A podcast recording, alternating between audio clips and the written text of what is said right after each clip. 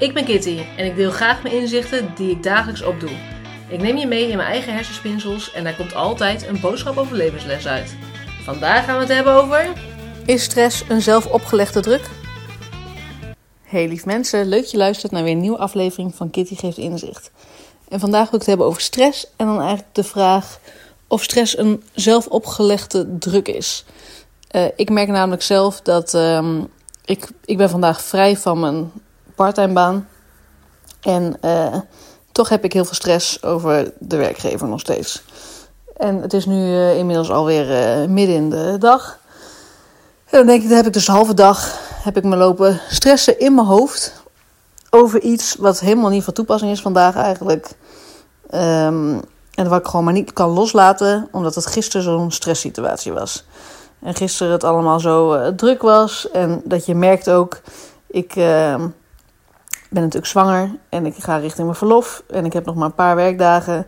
Dat je merkt van joh, er wordt een paar dagen zoveel gepropt. En uh, hoe ga ik het allemaal nog voor elkaar uh, krijgen? Echter, um, had ik nu, ik heb, ben nu drie dagen vrij. En dan vrijdag werk ik weer. En ik heb de keuze gemaakt van joh, dan hou ik toch een aantal dingen bij mijzelf. En dan ga ik het niet overdragen aan het team. Uh, waarom? Want als ik het overdraag, dan kost het weer heel veel tijd. En dan moet het straks weer terug overgedragen worden waarschijnlijk. Voor dan die paar dagen dat ik nog werk.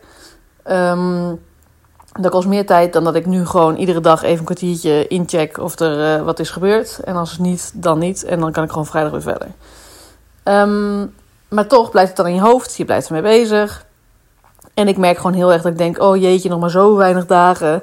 En dit moet nog, en zus moet nog, en zo moet nog. En er komen nog meetings tussendoor en weet ik het alles.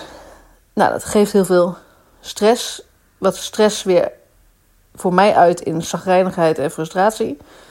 Uh, terwijl het zonde is, want eigenlijk leg ik het zelf op in dit geval. Want ik wil het niet uit handen geven. Ik wil het bij mezelf houden.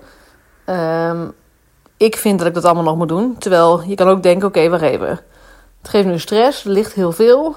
Laten we kijken hoe ver we komen. Laten we inderdaad prioriteiten stellen. Laten we kijken wat is belangrijk. Wat kan misschien dan uh, iemand anders overnemen. Of wat kan dan een andere dag misschien nog. Nou ja, kan niet heel veel meer schuiven in andere dagen. Maar het is zonde, en zeker op een vrije dag, om dan daarover in te zitten. Terwijl de, uh, ik wil voor de kleine nog genoeg regelen.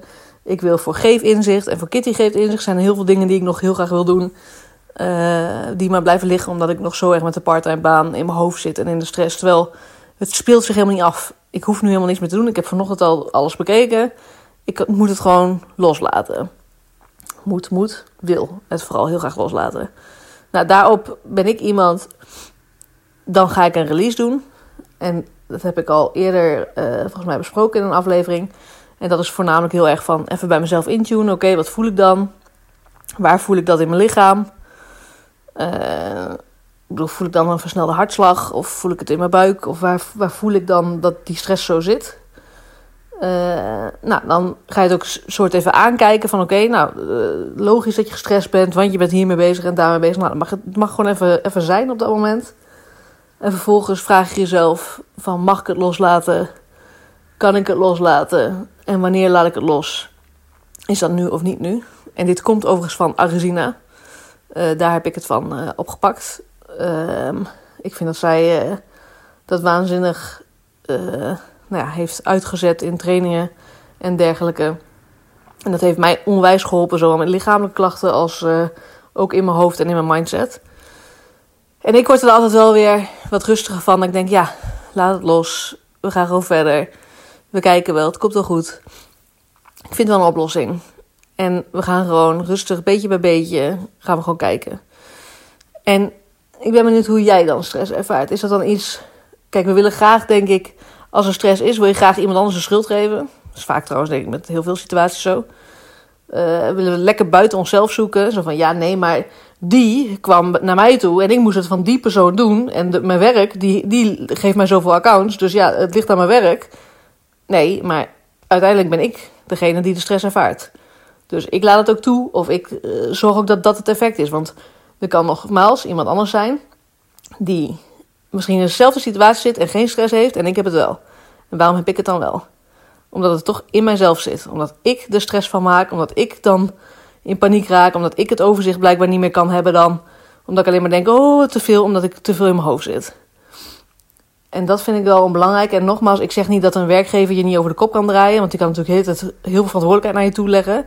Maar jij bent nog altijd degene die het ook pakt. En jij bent nog altijd degene die dan geen pushback geeft. Of uh, nou ja, de grens niet aangeeft. Of voor jezelf de grens niet aangeeft. En daar dan toch in doorgaat of het dan niet loslaat. Want soms moet je dan ook maar denken: oké, als die werkgever zoveel geeft. Ja, uh, ik kan niet alles. Dan moet hij maar wachten. En dan gaat er meer tijd overheen. En dat is dan zo. Ja, je kan niet heksen. Je kan niet uh, alles in, in één minuut doen. Um, dus laat jezelf vooral niet zo opnaaien. En naai jezelf niet op. Dat is het eigenlijk vooral.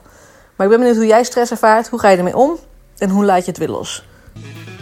Mocht je deze aflevering nou interessant vinden, deel dat dan gerust op Instagram. Uh, dat kan in een post of dat kan in een story. Tag Kitty geeft inzicht.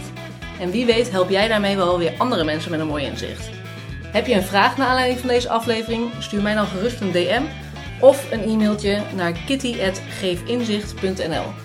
Bedankt voor het luisteren en tot het volgende inzicht.